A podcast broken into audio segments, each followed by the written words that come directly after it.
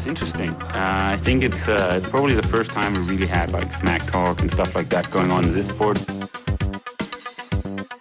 He's definitely been more successful here than me in, in Hawaii. But I've beaten him up many times, and he knows that when all the people aren't around him patting him on the back, and he looks at himself in the mirror at night when there's no one else, he knows I'm the real deal. Some people talk and they never won Ironman in Hawaii, so I could talk. I won twice.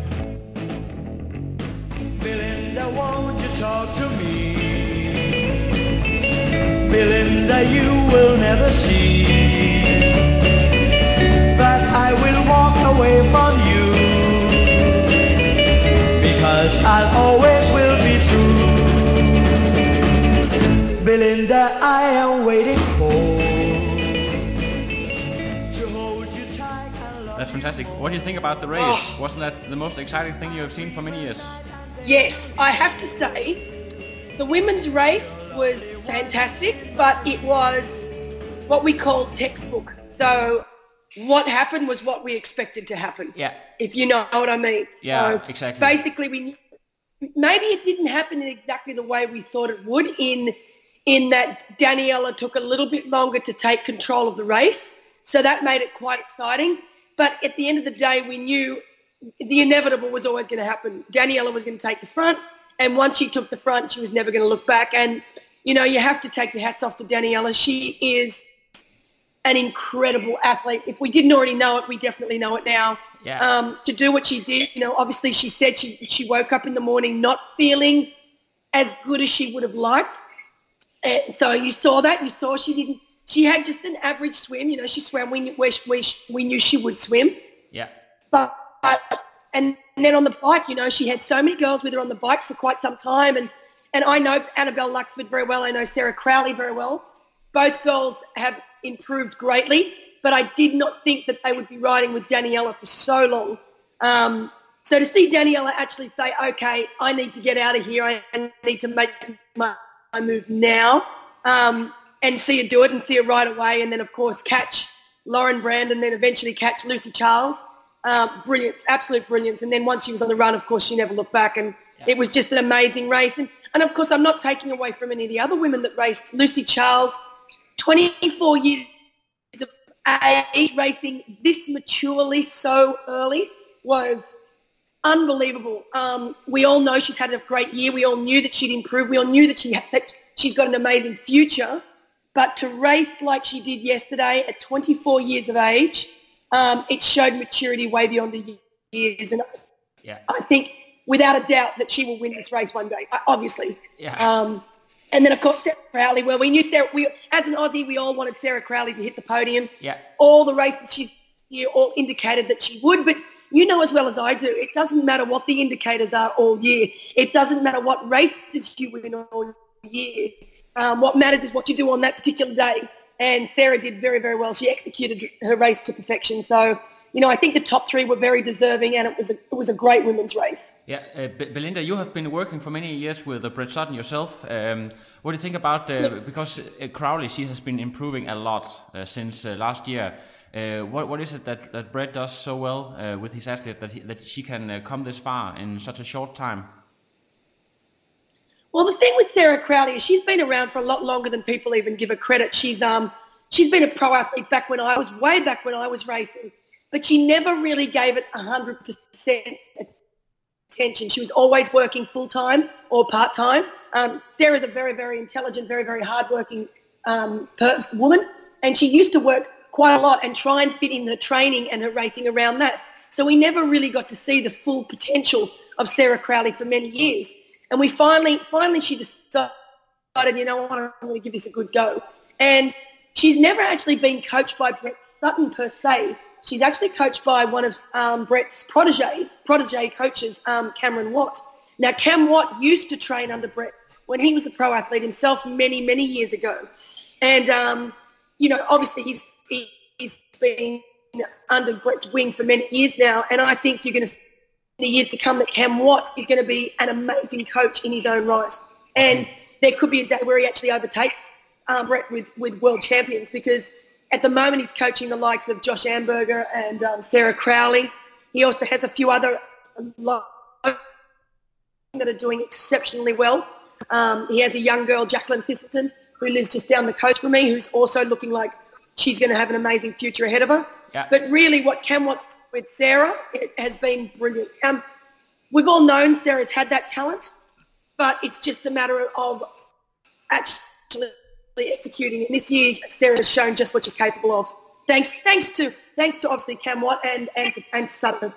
Yeah, thank you. But, um, but you know, last year, uh, Ryf, she was very, very dominating. She won with 20 minutes, and this this time it was only eight minutes. Is it? You mean it's a sign of uh, of the other girls stepping up, or uh, is Ryf uh, showing a little bit of weakness, or what do you think uh, that's about?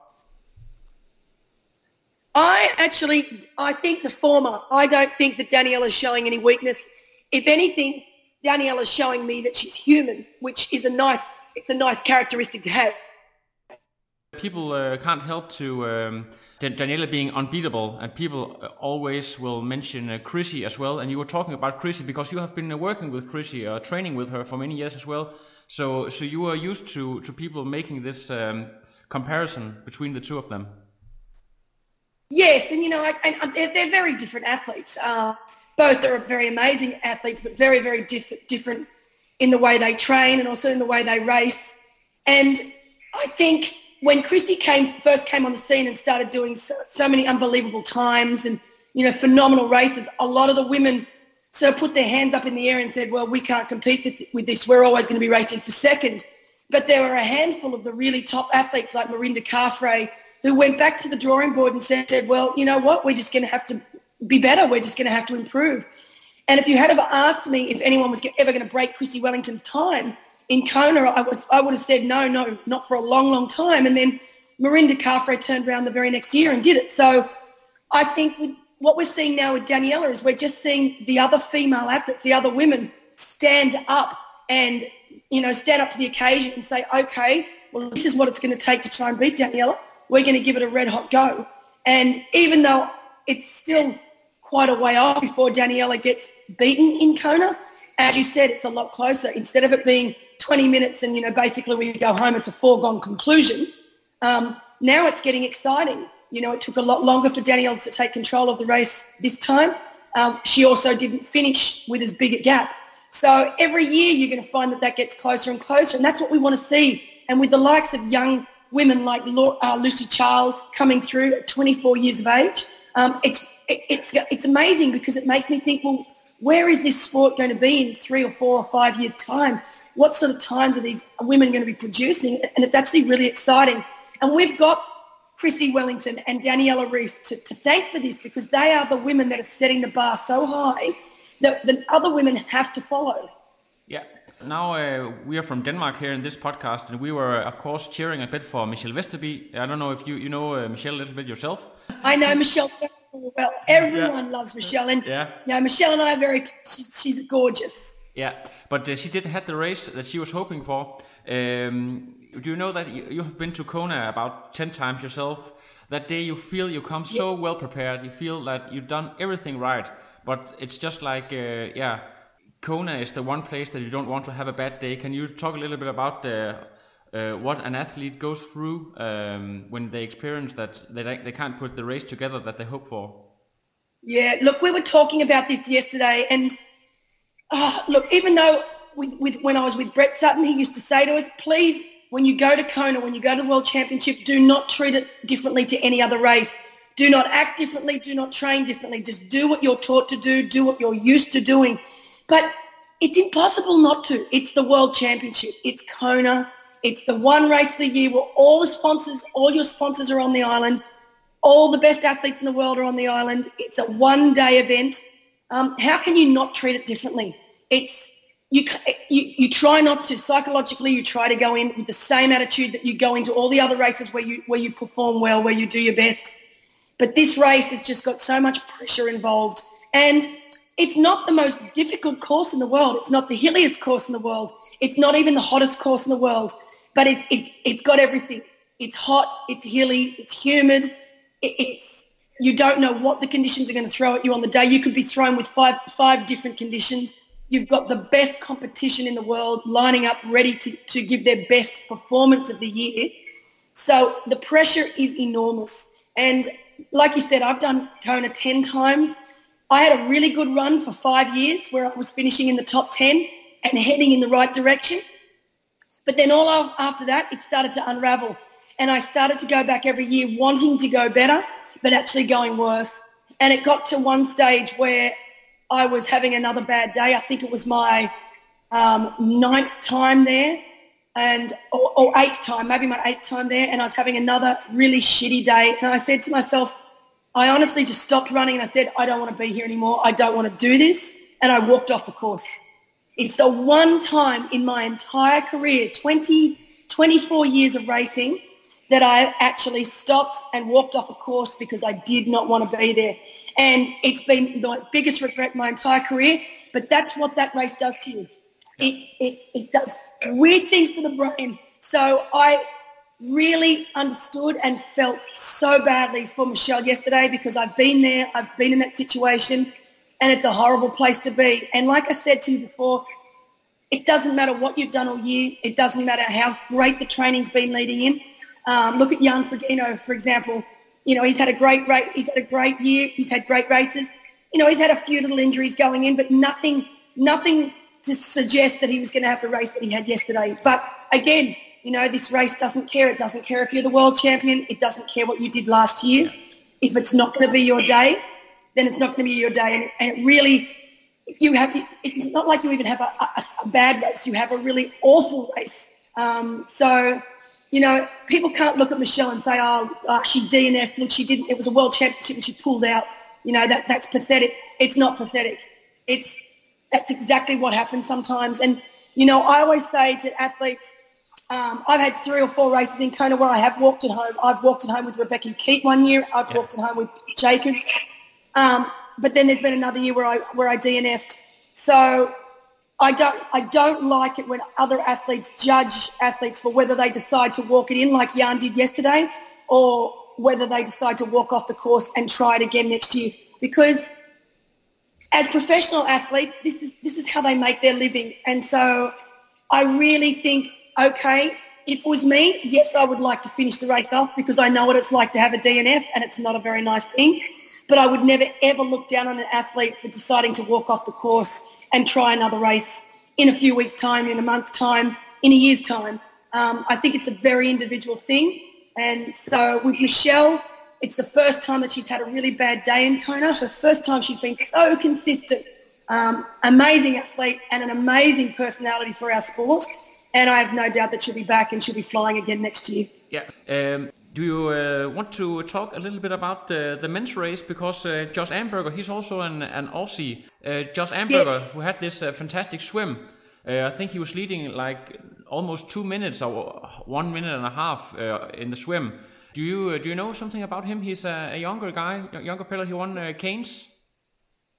Yes, he's another young athlete that's just made the switch up to Ironman distance racing. You know, he's he was from a short course background. He's a very, very good Olympic distance non-drafting, non-drafting Olympic distance athlete. He's also phenomenal over the half distance, um, and he's and he's perfected the half distance. Um, he's only still very, very new at the full distance. So I think you know we need to give him a couple more years before we really start to see him shine over that distance. Um, phenomenal swimmer like you did, incredible bike rider. And I think it's just a matter of him getting a little bit more experience over the marathon. Um, I don't think he's quite perfected that yet. Uh, but no doubt he definitely has the, the, talent to do so. Like you said, he's very, very young. Um, he's also coached by Cam Watt. So Cam's definitely going to be um, putting him in the right direction as far as that goes. Uh, he did exactly what we knew he would do yesterday. Um, we knew he would win the swim out and we also knew that he would take control of the pace on the bike. Whether it was the right or wrong thing, I don't think Josh went into Kona yesterday to play it safe and have a safe finish. Josh went into Kona to, sit, to stir things up, to get things moving and to see what he could do. Uh, and I think he had a huge effect on the overall results in the race. I really do. Um, if you looked at yesterday's race, as, as my husband said, it went back to being a runner's race all the runners were the ones that came through. I mean, I know you look at Lionel Sanders and you say, well, he's an everything. I mean, he's he's a biker and a runner.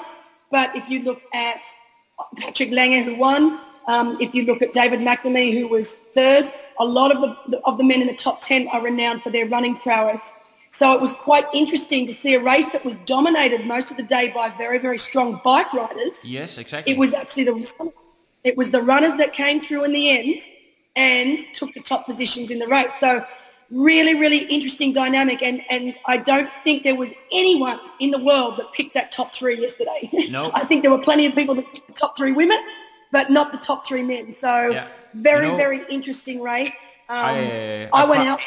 I pride myself of uh, that's actually why it's called the Tri Oracle because I pride myself of being able to to pick these podiums, but uh, I was absolutely wrong, absolutely.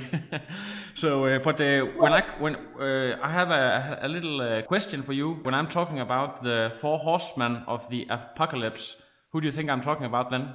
Who would you, when you're talking about what the The four horsemen of the apocalypse. wh- When we're talking about the race yesterday. yeah yeah. So um, do you know Cam Wurf?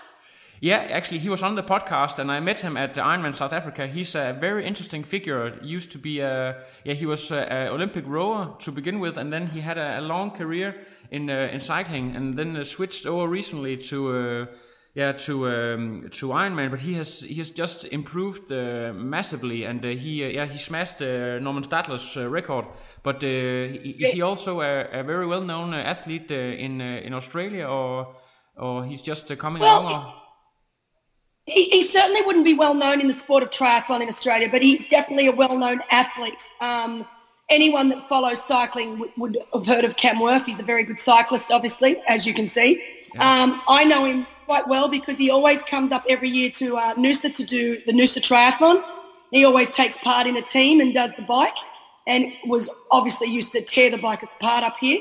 Um, this year, I'm sure uh, he probably, if he's going to be up here, he'll probably do the whole thing because when he used to come up here, he was just a cyclist. But I think Cam, there were key players in yesterday's race for the men. And the reason I bring Cam Wurf's name up is because obviously he was one of the key players.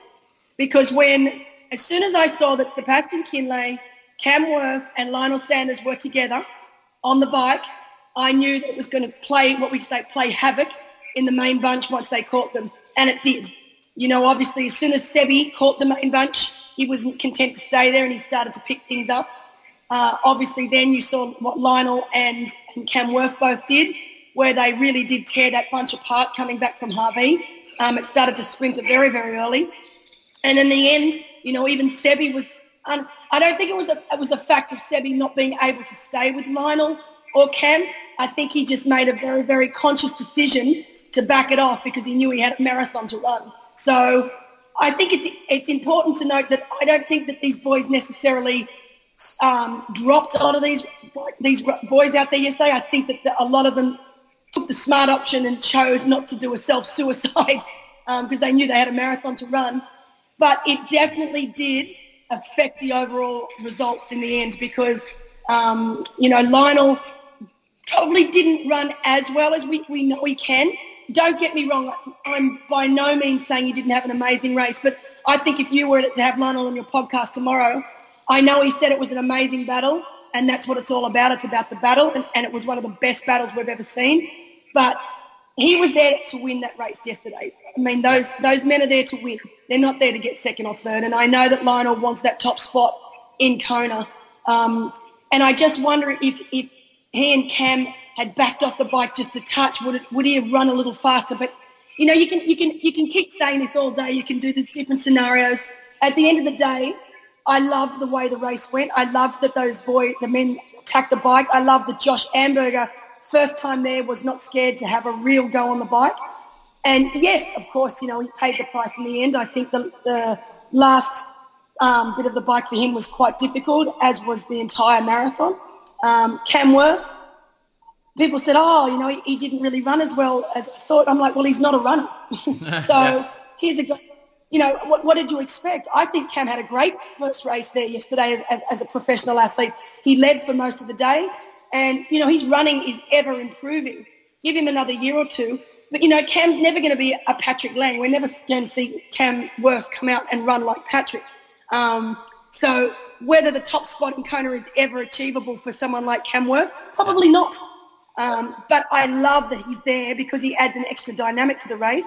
And, he, and, and as I said, he really changed the entire race yesterday by riding as, as well as he did. Uh, he has a great sense of humor, though. He wrote on uh, Instagram um, saying something about his bike record that next year he was going for the run run course record. yeah, he's awesome. Oh, look, and look, don't get me wrong. He's definitely been working on his run. Uh, if you had seen what Cam Watt, his physique, what he looked like probably four years ago, he was a big boy, uh, really strong. Um, he's actually lost a lot of weight, and it's, it's really helped him with his run. And I know he's been working on, on his run technique a lot too. Um, he he's gone from running I think 320, 3 hours 20 for a marathon, and I think his best marathon this year was three hours dead. So that's a huge improvement. Um, but you know as well as I do, to get round to that 240 to 245 mark, um, you really need to be a phenomenal runner to start with, and it's very, very difficult to to teach yourself to run those sort of run times. And for many, many athletes, you know, those low 240s are unachievable for, for a lot. You know, unless you're the Patrick Langes or the Craig Alexanders, um, it's very, very difficult to run uh, a 240 or a 239 like uh, Patrick did yesterday. Do you think that uh, Patrick Lange is able to, to win again uh, in the following years, or do you think uh, this is a, you know, a, a, what do you call it, one-hit wonder like uh, Frederik van Lierde a few years ago, or, or will he will he be shining in the following years? How do you see that? Look, you know what? It's very funny. There, there seems to be a little bit of a pattern um, with the pro men in Kona. If you go back to, um, for example, Pete Jacobs was on the podium a couple of times before he won it. Um, Macca, a lot of these guys seem to be seem to have this breakthrough race. Uh, last year, Patrick Lange was third. He had this breakthrough race in Kona. Not a lot of people knew who he was. Um, and then he's come back this year and he's won it. And that seems to be what happens with a lot of the pro men, they have this one breakthrough race where they really do well, where they really shine, and then they're able to come back the next year and actually take the top spot on the podium. Um, when you can run like Patrick Lange, when you can run, um, I mean, it's a very, very small elite group of, of athletes that can run those sorts of run times. I think you're always going to have a chance to take the top spot in Kona. Um, when you can run a sub 240 in Kona conditions, then you have always got a chance to, to take first place. So no, I definitely do not think we've seen the end of Patrick Lange. And the funny thing is, the first time I ever got to see Patrick was actually a, a few years ago now. He came over and did Ironman 70.3 Subic Bay in the Philippines. And I do quite a bit of work for Alaska and Sunrise events. So I was there that year and I got to watch, I got to meet Patrick for the first time and he was very unassuming, very quiet, incredibly polite young man. And I didn't know anything about his results. I knew he was German, so I knew he was going to probably be pretty good on the bike. Uh, anyway, we had the likes of Tim Reed, Craig Alexander. We had a really good pro field there that day. And I thought, I didn't really that Patrick would be a chance to take the, podium spot, a podium spot. And he got out of the swim with the leaders and they were all together on the bike. And it was an out and back course. And Patrick just rode off the front by himself and there was absolutely nothing that any of those athletes could do. And they all looked around like stunned mullets, like, who the hell is this?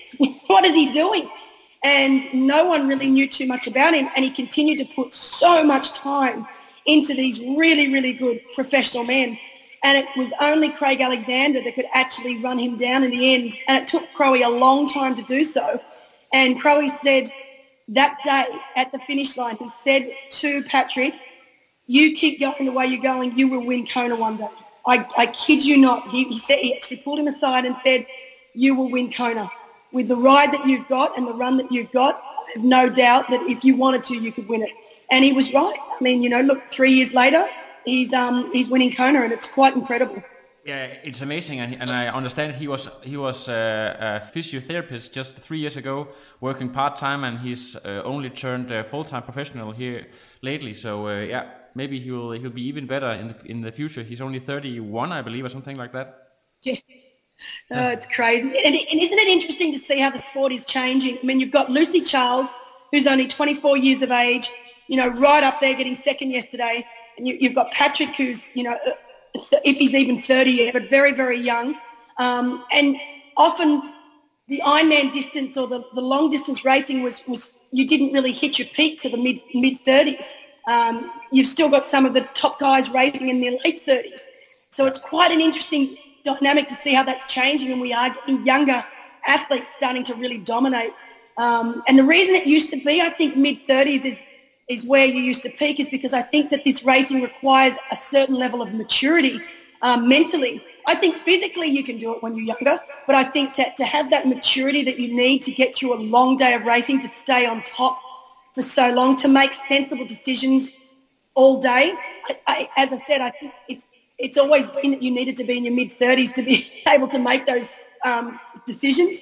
But these young athletes are showing that they have got that, that mental maturity now, and it's it's quite exciting.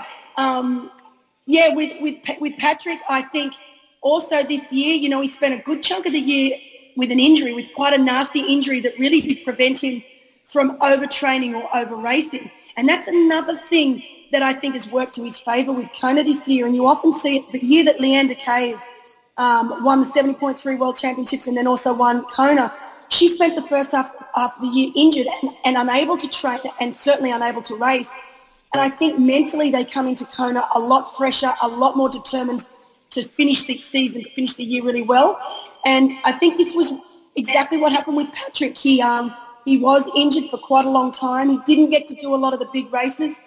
Um, he raced Frankfurt, of course. Um, didn't have a standout race there, but but still raced well. But you know he was on the comeback from injury, so I think that's an interesting thing to look at with Kona. That a lot of the time it's the athletes that maybe haven't raced so much. Particularly, I find this in the men that they haven't raced so much and they are fresh and ready to really, um, really give it some on race day. Could one make a point about uh, Sebi being one of those athlete, athletes who have burned too, ma- too many matches during the season, dug too deep too many times up to Kona? Yeah, look, maybe. Uh, look, Sebi, Sebi to me, and, I'll, and I'll, I'll say this publicly, Sebi to me is probably my favourite long distance athlete in the world. Um, I've been around obviously for a long, long time, and I still remember, distinctly remember meeting Sebi oh, way back when he first started, um, and to see how far he's come and to see how much he's been able to change as an athlete. I mean, he could not swim to save himself when I first met him. I used to beat him out of the water. He was not a, a particularly great runner. All he had, the only weapon in his arsenal was his bike ride back when I met Sebi to look at him now, to fast forward to 2017 and see him as a complete athlete. You know, he's a solid swimmer. He's a phenomenal bike rider and he's an amazing runner. So to see how he's changed himself and, and bettered himself over the years, there's not too many athletes in the world that can do what he's done. Um, so I have more respect for Sebastian Kienle than I have for probably any other pro athlete out there. Um, I think he's just the thing with Kona is it's very, very difficult to stay at the top of Kona year after year after year. We saw that again this year with, with, with Jan Frodeno. You know, he looked, I think he was pretty much 99.9% people's bet to win it again. He was my bet to win it again. Um, and things started to unravel because the pressure up there for the likes of Sebastian Kienle and Jan Frodeno, it's so, it's so high and it's so difficult.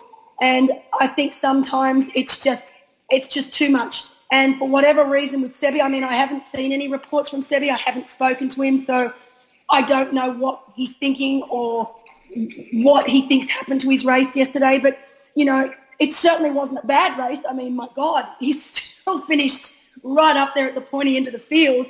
But, you know, obviously Sebi was going for the win. Um, and if he couldn't get a win, then he was going for a podium position, and he didn't get that. So, you know, I, of course he's going to be disappointed.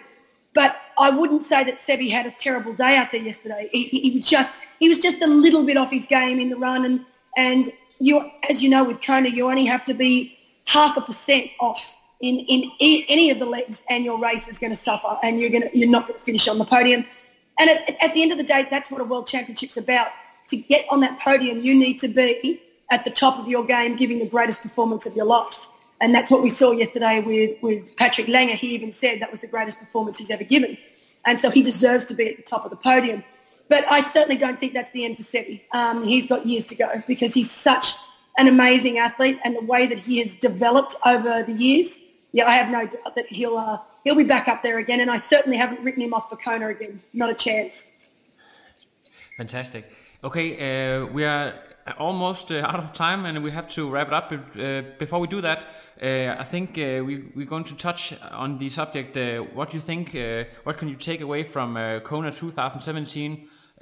what's what are the main things that you that you notice when you when you look back at this particular race? we have mentioned a little bit about it, maybe being the runners, like you know back in the Crowie and Macca's heydays.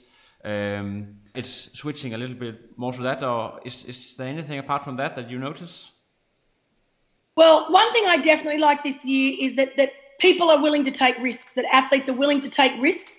Um, for example, Lucy Charles, first time racing Kona as a professional athlete. She's been there before as, as an amateur, but she wasn't scared. She wasn't scared to go out there and race it like she would race any other race. Remember I told you um, Brett Sutton was always, please go out there and just do what you always do. Don't treat it any differently.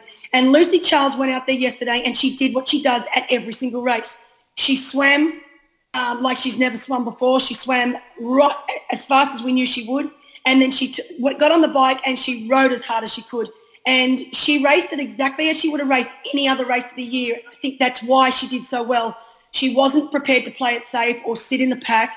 Same with the men's race. Um, I loved the fact that you had those three gun bikers, Sebi, Cam Wurf, and also Lionel Sanders, ride as hard as they could, get up there, not be content to just sit in that huge big pack, the big train up to Hawi, but to really start to stir the pot, to break it apart, and it made the race so exciting. I mean, we haven't said we haven't touched on David McNamee much, but you know, there's another phenomenal runner. So to see the runners come through at the end, even though it was dominated by bikers for most of the day.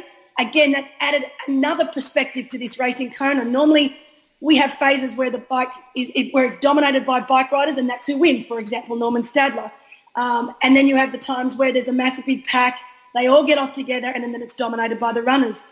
But to see that dynamic change yesterday, to see the bikers dominate for so long, but then to see the runners come through in the end, you know, that, that's something quite new for Kona. So that was quite exciting and something that I can't wait to watch again next year. Um, yeah. But definitely watching Lucy Charles next year to, to see her with another year under her belt, to see how close uh, Lucy and also obviously Sarah Crowley, who at the end of the day has really only been a full-time athlete for a good year now, um, to see what they can do next year with Daniela, it's it's going to be really really exciting. So next year can't come quickly enough, I reckon. Yeah. Any chance you'll be in Kona yourself, uh, watching or doing a bit of uh, commentating or anything like that? Oh, it's funny you say that. You know, this was my first year missing Kona in I think 14 or 15 years. So obviously I raced it for 10 years and then I've been going back every year just to watch and to support.